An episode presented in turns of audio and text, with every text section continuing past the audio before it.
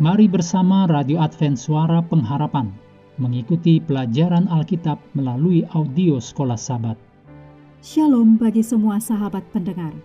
Kabar baik bahwa kisah dan kesaksian terkait siaran dan pelayanan AWR Indonesia kini dapat diikuti secara berkala, baik melalui siaran harian Radio Advent Suara Pengharapan setiap minggu kedua dan keempat juga melalui YouTube dan Facebook AWR Indonesia.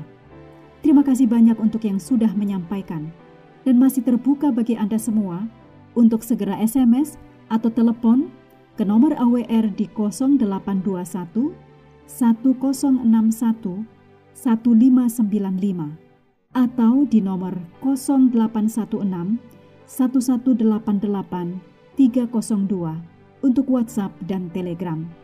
Kami tetap menunggu dukungan Anda. Selanjutnya kita masuk untuk pelajaran hari Kamis tanggal 28 Juli.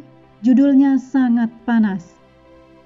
Mari kita mulai dengan doa singkat yang didasarkan dari Yakobus 1 ayat 12.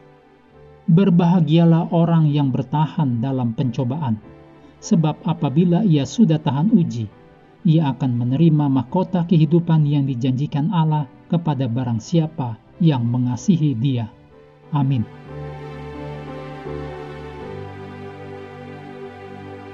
Sejauh ini, kita telah menimbang banyak contoh dari cawan lebur yang Allah gunakan untuk membawa kemurnian dan keserupaan dengan Kristus dalam hidup kita. Namun, beberapa orang mungkin melihat contoh-contoh ini dan menyimpulkan bahwa Allah memberikan tugas berat dan banyak menuntut. Tentu, beberapa orang mungkin berkata, kita tahu bahwa Allah menginginkan sesuatu yang baik bagi kita. Tetapi contoh-contoh ini tidak mengungkapkan banyaknya perhatian dan kasih. Sebaliknya, Allah lebih terlihat seperti pengganggu. Dia menetapkan tujuan yang menyebabkan kita mengalami masa-masa sulit dan tidak ada yang bisa kita lakukan untuk itu. Memang benar bahwa selama hidup di bumi yang penuh dosa ini, kita hanya akan mengerti sedikit tentang mengapa sesuatu terjadi di surga kita akan mengerti lebih banyak lagi. Dalam 1 Korintus 4 ayat 5 juga 1 Korintus 13 ayat 12. Tetapi untuk saat ini kita harus hidup dengan percaya bahwa Allah hadir dan memelihara kita. Meskipun keadaan tidaklah selalu terasa begitu baik. Yesaya menggambarkan hal ini dengan sangat baik anda perlu membaca secara langsung Yesaya 43 ayat 1 sampai 7 mengenai Allah adalah satu-satunya penebus. Dalam ayat 2 Allah berkata bahwa umatnya akan melewati air dan melalui api. Ini adalah kiasan dari bahaya ekstrim. Tetapi bisa saja hal itu mengisyaratkan penyeberangan Laut Merah dan Yordan.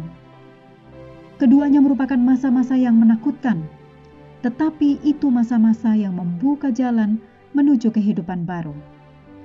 Anda mungkin berharap bahwa Allah akan berkata bahwa Allah akan melindungi umatnya dari bahaya ini, bahwa Allah akan membimbing mereka ke jalan yang lebih mudah.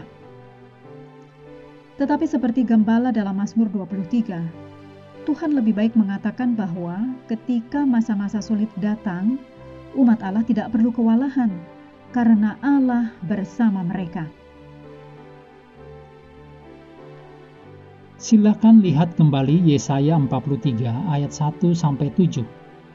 Temukan berbagai cara di mana Allah menjamin kelegaan umatnya selama masa-masa air dan api. Gambaran Allah seperti apakah yang terlukis dalam pikiran Anda? Janji mana yang bisa Anda pegang untuk diri Anda sendiri? Kita dapat meringkas apa yang telah kita pelajari tentang cawan lebur Allah dalam tiga cara.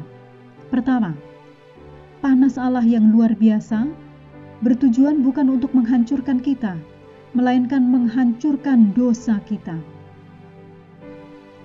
Yang kedua, panas Allah yang luar biasa bukan untuk membuat kita sengsara, tetapi untuk membuat kita murni, sebagaimana kita diciptakan. Yang ketiga, Pemeliharaan Allah bagi kita melalui segala hal adalah konstan dan lembut. Allah tidak akan pernah meninggalkan kita sendirian, apa pun yang terjadi pada kita.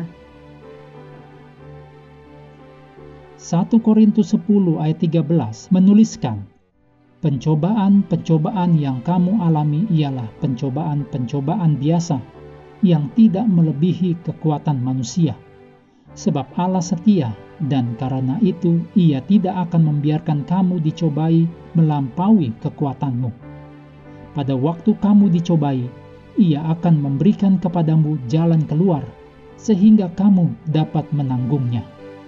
Berikutnya, silakan baca langsung ayat-ayat senada yang dapat mengajarkan kepada Anda tentang tindakan dan karakter Allah dalam Mazmur 103 ayat 13 dan 14, Matius 28 ayat 20, dan 1 Petrus 1 ayat 7.